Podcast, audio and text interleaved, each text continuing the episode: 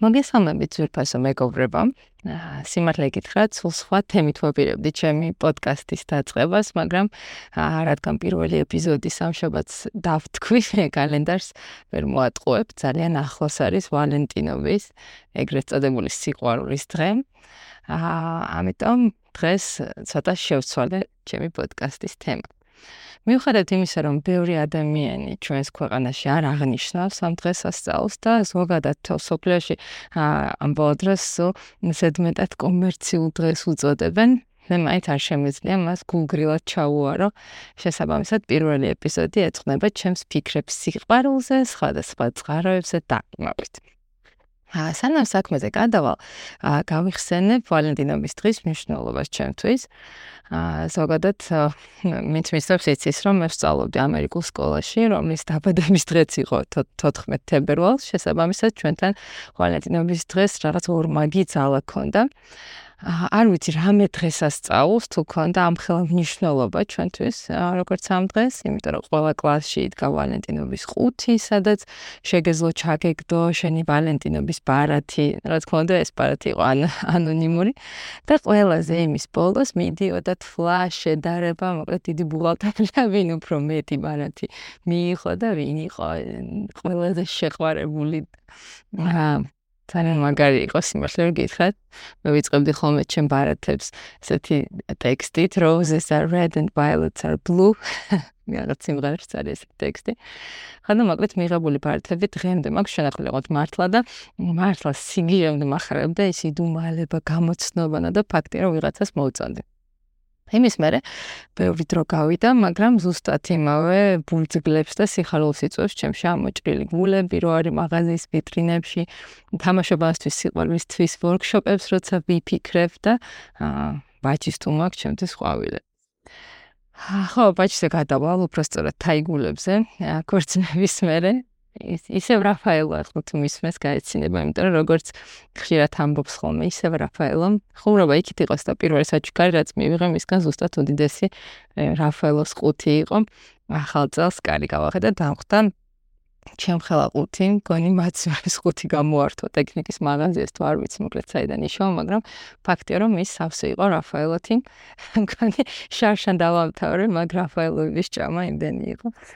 მოკლედ ახალი ურთიერთობა ყოველთვის მაგარია. იქ რაფაელო, აქ ყვავილი, იქ გათენებული ღამეები ჩატებში, აქ შენთვის შექმნილი მუსიკალური პლეილისტები. აა მაგარია, მე თქვი შენ არც გათენება რომ აღარ შეგიძლია ფიზიკურად და მუსიკაც შენი რომ გირჩევნია და არა სხვის არჩევ. იმ დღეს შემოხდა ერთი ფრაზა, რომელიც ძალიან მომეწონა. გაგიზიარებთ აქვე, რომ მიბადები შენ არ ირჩევ, როგორი მშობლები შეგხვდება ავტომატურად, გიყვარს ისინი. და შენი შვილი რომ ჩდება, ისიც ავტომატურად გიყვარდება, რა თქმა უნდა. და ერთადერთი ადამიანი შენს გვერდით, ვინც ირჩევს რომ უყვარდა ყოველდღე არის შენი მეწყვილე. და შენს ყოველდღე აკეთებ ამ არჩევანს, მიუხედავად ბევრი განსხვავებისა, ხანდახან ჩხუბისა და უკმაყოფილება, რა თქმა უნდა, უკმაყოფილებისა, რომ ყოველდღე არჩევ რომ გიყვარდეს ეს ადამიანი. ანდრე მეგონა რა საერთოდ ძალიან დიდი გამართლება რაღაც ქორწინება ან ხანგრძლივი ურთიერთობა რაც უნდა ადამიანს მანამდე კარგად იცნობდე ქორწინებას შემდეგ რაღაც მილიონი გამოწვევა მოდის როცა ამისთვის არ ხარზად და ეს გამოწვევები შეიძლება ძალიან რთული გადასალახი გახდეს. აა დღევანდელი გადმოსახედიდან თან როცა რაღაც შევისწავლე ციფრული ფსიქოლოგიის კოუჩინგი, როცა მე თვითონ 3 წელი ვარ თერაპიაში ინდივიდუალურად და კიდევ ვაგრძელებ, როცა ბევრი საინტერესო წიგნი მაქვს წაკითხული, როგორც არის სიყვარულის ხუთი ენა, რადიკალური პატიება, კიდე მილიონი სხვა. სულ სხვანაირად მეფიქრება სიყვარულზე, თანაცხოვრებაზე და ზუსტად იმ არჩევანზე, რომელსაც მე ყოველდღიურად ვაკეთებ. ამიტომ აა რამოდენიმე დაკვირვება სამწაროებიდან დღეს ესე ექსპრომტად გავაზიარებ თქვენის ნებართვით, რადგან თემა სიყვარული მოიტანა. აა პირველი დაგვირგვება რომ ჩვენ ვარ ჩვენ ვართ პასუხისგებელი პასუხისგებლები იმაზე რომ მეორე ადამიანს მივაწოდოთ ზუსტი ინსტრუქცია თუ როგორ უნდა მოგვექცეს რას ველოდებით რა გვინდა ჩვენ. ხშირად სმენია რომ და მე თვითონაც მithქვამს ეს ფრაზა მინდა რომ თვითონ ხვდებოდეს ზოგადად დედის ერთ-ერთი სუპერ ძალა იმის მიხვედრაა თუ რა უნდა თავის შულს, რას გრძნობს ის, რას განიცდის და შედეგად უსიტყვოთ დახმარება და გვერდში დგომა. აა მე მახსენდება რამდენ ვერსიას თავზობ ხოლმე შულს თუ ის მოწყენილი ხო უკვე ნორმალ გავაჩერე ეს ჩვევა, მაგრამ ადრე განსაკუთრებით არ შემეძლო მისადა და მოკლედ 1000 რაღაცას თავაზობდი და ამ ვერსიებიდან ყოველთვის ერთი მაინც იქნებოდა ისეთი, რომელიც ზუსტად გავარტყი და მოიყვანდა ჩემშულს კარგ ხასიათზე. მოკლედ ასეთია დედა ყოველთვის ცოდნე და მგზნობიარე. თუმცა ეს სუპერ ძალა მართლა მხოლოდ დედას აქვს, როცა ადამიანი იზრდება, რა თქმა უნდა, მის ცხოვრებას ემატება შეყვარებული, მეუღლე, მეგობარი, თანაშრომელი, რომლებსაც ეს სუპერ ძალა არ აქვს და რა თქმა უნდა, არც უნდა გქონდეთ ანალიზი წესით და კანონით. ზუსტად ამიტომ პარტნიორებთან ურთიერთობაში ადამიანს და შეეძლოს ზუსტად იმის თქმა, რა თუ რა უნდა მას, რა მოლოდინი აქვს ამა თუ იმ კონკრეტულ სიტუაციაში და ასე ვთქვათ, მისი პირადი გამოყენების ინსტრუქცია უნდა გააზიაროს. მე თუ მოწყენილი ვარ, მინდა რომ ადამიანმა მითხრას, რომ ყველაფერი კარგად იქნება, ჩამეხუტოს. ზოგს უნდა რომ უბრალოდ ჩუმად გვერდი დაუჯდნენ, ან პირიქით ხმამაღლა შეიცოდონ, ეგეთებიც მინახავს.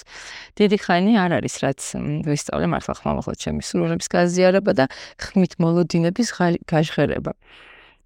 ადრე მეგონა რომ სიურპრიზები მთავარი დასტური იყო სიყვარულის დღეს. კი ზუსტად ვიცი რომ მთავარი დასტური მარტივად გამოიყურება როცა ადამიანი სიყვარულით აკეთებს იმას რაც შენ გჭირდება და რასაც პირდაპირ სწხოვდა მოკლედ ამდვილად ამას გძნობ ამ ამ ასაკიდან და გადმოსახედიდან. ჯერ კიდე პატარა ასაკიდან მაგრამ მაინც. მეორე ამბავია რომ შენ თვითონ უნდა იცოდე შენი საკუთარი გამოყენების ინსტრუქცია ჩემი ერთ-ერთი უდიდესი აღმოჩენა სიყვარულზე მოხდა, როცა გარი ჩეპმენის წიგნი წავიკითხე სახელწოდებით სიყვარულის ხუთი ენა. აა მე გაგიზიარებთ ჩემ აღმოჩენებს, ფოტოშოპს ეს წიგნი ქართულად არის ნათარგმნი და თუ გაინტერესებთ და გაინტერესებთ, შეგიძლიათ მონახოთ წიგნების მაღაზიებში. რა თქმა უნდა, ყოველას გვახსოვს პეპლები გულში შეყვარებულობის ჟამს და ისიც გვახსოვს, რომ რაღაც დროის გასვლის შემდეგ ამ პეპლებმა ფორმა იცვალეს და სიყვარულის სხვა სხვანაირი გახდა. აა ყველა ადამიანს აქვს თავისი სიყვარულის ენა, რითიც ის ზომავს და გრძნობს სიყვარულს. ეს ენა შეიძლება ერთ წყულში ორ ადამიანს სულ სხვადასხვა კონდეს, არადა მართლა ძალიან მნიშვნელოვანია, რომ შესაყვარ ადამიანს მის სიყვარულის ენაზე საუბრო. იცოდე შენი სიყვარულის ენა და სწორად ივსებოდე და ავსებდე სიყვარულით. როგორც თვითონ ავტორი ამბობს, სიყვარულის ენები ისეთივე განსხვავებულია, როგორც ჩვეულებრივი ენები. ანუ აზრი არ აქვს ინგლისურ ენოვან ადამიანს ელაპარაკო ჩინურად, თუ მან ჩინური საერთოდ არ იცის. ხო და ემოციების ამბავიც იგივე არისო, ასე ამბობს. აა მოკლედ აქვს ხუთი სიყვარულის ენა. ეს არის საქებარი სიტყვები, დრო, საჩუქრების მიღება, სამსახურის გაწევა და ფიზიკური შეხება. რომ იყვეთ ხუთივეს, ორი სიტყვით ვიტყვით თოზე. საქებარი სიტყვებით, სიყვარულის გამოხატვა ყველაზე კარგად შეიძლება. ერთმანეთის სიტყვიერად გამხნევებას უზარმაზარი ძალა აქვს. ეს კაბა როგორ გიხდება, ან როგორ მომეწონა გუშინ შენი გამოსვლა, ან რა ბედნიერება ასეთი ყურადღებიანი ცოლი რომ ყავს, ან ა მადლობა რომ გუშინ მთელი დღე შენ ყავდა ბავშვი, სანამ მე მეგობრებს ხვდებოდი. მოკლედ რომ თქვა, საქებარი სიტყვა უფრო დიდი мотиваტორია ვიდრე ბუზღუნი. გამხნევებას კი სჭირდება ემპათია და სამყაროს მეორე ადამიანის პერსპექტივით დანახვა.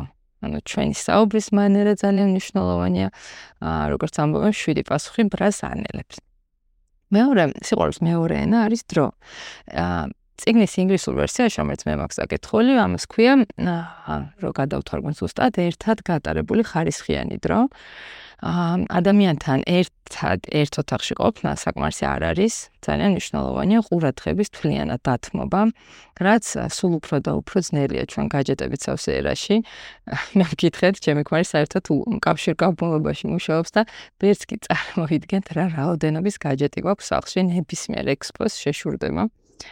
ასე რომ მართლა რთულია ამისთვის დროის გამონახვა. მოსმენის სწავლა შეიძლება ისეთი რთული იყოს, როგორც უცხო ენის, მაგრამ უნდა ვისწავლოთ თუ გვინდა რომ სიყვარული გავცეთ. დროის ენის უდიდესი და უკარგესი მიმართულება საერთო საქმე. ადამიანები ხშირად ყველაზე ბედნიერები მაშინ არიან, როდესაც ერთად აკეთებენ ისეთ რამეს, რაც ორივეს უყვართ. აა სიყვარულის მესამე ენა საჩუქრების მიღებაა. სიყვარულს რაღაც ვიზუალურ სიმბოლოს ზოგიერთი ადამიანის ხვაზე დიდ მნიშვნელობას ანიჭებს. ხო და თუ თქვენს გვერდით ასეთი ადამიანია, მასთან არ გაჭრის, მე ვარ შენი საჩუქარი. ჭრის მოკლედ. ჩათვალეთ მის საჩუქარს ვყიდულობთ ინვესტიციას და თურთიერთობაში და მიაწექით ამ ინვესტიციას. აა მეოთხე ენა არის სამსახურის გაწევა. ინგლისურ ვერსიიდან მე რო ვთარგმნიდე, დავარქმევდი რაც მომსახურების გაწევას უფრო, იმიტომ რომ აა რაღაც უბრალოდ მომსახურებაზე ალბათ უფრო საუბარია acts of service ესე ქვია. არავის უყვარს, როცა რამის კეთებას აიძულებენ. ამიტომ აა რადგან სიყვარული ბრძანებას არ ემორჩილება, ამიტომ თუ თქვენი პარტნერის ენა სამსახურის გაწევა, ეცადეთ ამ ენაზე თელი გულით და მონდომებით ისაუბროთ მანქანის გარეცხვა, ბენზინის ჩასხმა, რა შეიძლება იყოს კიდე საუზმის მომზადება, კაკაოს და არ ვიცი, მოკლედ ყველანაირი ნებისმიერი აქტი, რაც ადამიანს მოემსახურება, ასე ვთქვა. და ბოლო ენა არის ფიზიკური შეხება. ეს თითქოს ყველაზე ნათელი და გასაგებია და მართლა ზოგი ადამიანი ამენის გარშე სიყვარულს ვერ გძნობენ. ასეთ ადამიანებს ტირილის დროს უნდა ჩაეხუტო, მისამების მაგივრად უნდა აკოცო, მოეფერო.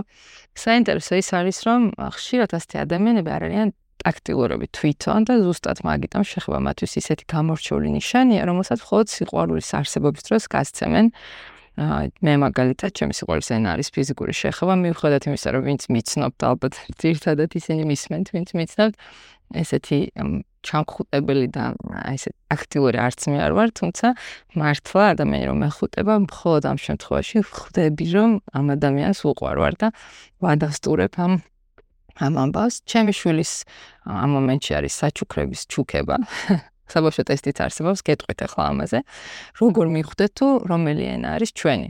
ანუ რეალურად ნაუპასხოთ თქვენ ჩვენ თავს რას კითხვაზე, რა არის ის, რასაც ყველაზე ხშირად ვითხოვ მაკლია ჩემი პარტნიორისგან. როგორ ვაგზნობინებ სიყვარულს ადამიანებს მე?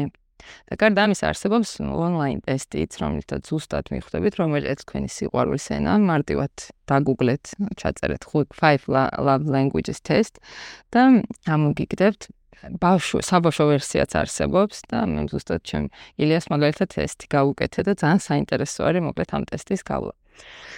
აა ეს რომ იცი, შეგიძლია რა არის შენი სიყვარულის ენა, შეგიძლია შენ მეორე ნახევარს მის ენაზე ესაუბრო.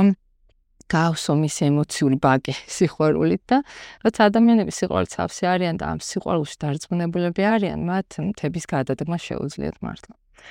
ხო და მე თუ მკითხო ცალკე კიდე პლეილისტების შექმნა და ახალი მუსიკის გაზიარებაც სიყვარულის ენაა და ეს კაცი თუ ცოცხალია ნეტა ციგნის დამატება ხوار შევთავაზოთ მესამე დაკვირვება თითქოს გამომდინარეობს პირველი დაკვირვებიდან, მაგრამ მაინც იმსახურებს ცალკე ხაზგასმით კიდევ ხსენებას. ნამას ქვია სიტყვებით პირიდან. რომ არსებობდეს ასეთი შეჯიბრი, ვინ უფრო მაგრად ააბნებს სხვა ადამიანს და ვერ გააგებინებს რა უნდა სინამდვილეში, ამ სპორტის სახეობის ყველა მსოფლიო რეკორდის ფლობელი ვიქნებოდი მე. იმიტომ რომ იმის მაგივრად რომ პირდაპირ თქვა რომ ჭირდება რა მომწონს ან მინდა დაბოდიალობთ იმის გარშემო, იმის შეშით რომ ადამიანი არ შევაწუხო, ვაწყენინო ან დისკომფორტი არ მივაღენო.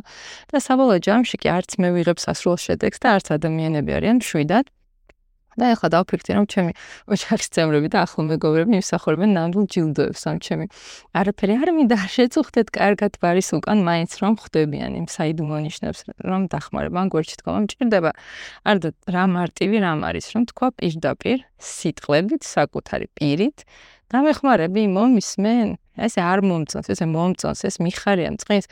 ყოველდღე წმოდები იმაში, რომ კომუნიკაცია, საუბარი, განხილვა, შეთანხმების უნარი არის ყველაზე მნიშვნელოვანი რამ ადამიანისთვის და ეს წესი მართლა იდეალურად მოქმედებს ურთიერთობებს. ა მეოთხე დაკვირვება ჩემ ჩემა ირინა, ჩემ ციფრული ფსიქოლოგის მასწავლებელმა ირა, თუ მისმენ დიდი სიყვარული მინდა გადმოგცე აქედან, გამიზიარა ირინა იმ დღეს, რომელიც პირველი შეხედვით თითქოს იმდენად მარტივი რამ არის, რომ ეგრევე თავს აქნევ რა სისულელე მე ასე არ ვაკეთებ. მეც ეგ რეაქცია მქონდა თავიდან. შევაკი ჟღერს ასე, როცა საყვარელ ადამიანს ელაპარაკებ, ის არ უნდა განსაჯო, არ უნდა აქციო და აგრძნობინო თავი დამნაშავედ. ფრაზების სერიდან იმდენჯერ გთხოვე ნაძვის ხის შენახვა, შენ კი არ მისმენ და შენ რომ მე ყვავილები არ მაჩუქე, ძალიან მეცხინ, აღარ წამოვალ დაბადების დღეზე შენ რომ არ გამაფრთხილე წინასწარ როგორ მომესწრო მომზადება, მოკლედ ანუ მართლა ღმერთო როგორი დარწმუნებული ვიყავ იმაში, რომ მსგავს არაფერს ვაკეთებდი, ვერც კი წარმოიდგენთ, ხო და ავიხე და რაღაც პერიოდი დავაკვირდი ჩემ თავს. რამ წარეთ მეშლებოდა აა მე რა ავიხე და ეს დაგურობა კარგისკენ მიმართე და ნელა მივეპარე პირდაპირ თქმას განსჯის და დაბრალების garaშე. აა შეიძლება თქმა, რომ უბრალოდ ძალიან მომწონს ყვავილებს რომ ჩუქნი დაბრალების რაღაცა ნეგატივის გარეშე. და მენდა სიტყვაზე ეს რჩევარი ჩადოსნური ჰარმონია, სიყვარულ, სიმშვიდეს და ბედნიერებას აორმაგებს თუ არა ასმაგებს. და სიტყვებზე თუ არ მენდობით, სადეთ და გამიზიარეთ თქვენი შედეგები. აა როგორც ზემოთ ნახსენები ციგნი ამბობს, სიყვარულის შეცდომებს არ ირყიტებს და არასწორ ნაბიჯებს არ ითვლისო.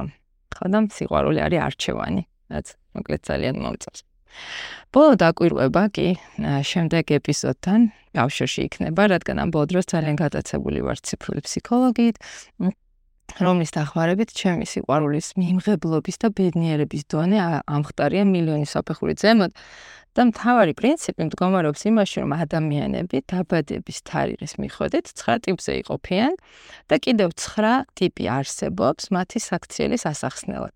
შესაბამისად, თუ ღმერთმა ადამიანი ამ კონკრეტული პროგრამით დაწერა და შეექმნა, ვინმე რომ ღმერთს შევეწინააღმდეგო და ვცადო ამ ადამიანის არ მიიღება შეცვლა. უდიდეს ბედნიერება მოდის იმის მიღებით, რომ ყველა ადამიანს თავისი მისია აქვს, თავისი ეგო და სურვილი, რაც ჩვენზე კი არა, მასზე მაღლა დგას. ხო და ამ ყველაფერზე მართლა რომ ფიქრობ, ხვდები რომ ყველანაირი ადამიანი შეგიძლია მიიღო, შეიყვარო და უნდა მიიღო და შეიყვარო. სხვა გზა არ არსებობს. მოკლედ ამ ყველაფერზე მომავალ სამშაბათს მომიყვები, ზუსტად იმ თემით, რომელთაც ვაპირებდი ამ პოდკასტის დაწყებას, სანამ ვალენტინობა და სიყვარული ჩახდებოდა პროგრამაში. მადლობა რომ მისმინეთ. აა მართლა მთელი გულით მეყვარს სიყვარული და აა მინდა რომ ის ძალიან ძალიან ბევრი იყოს ჩვენს გარშემო.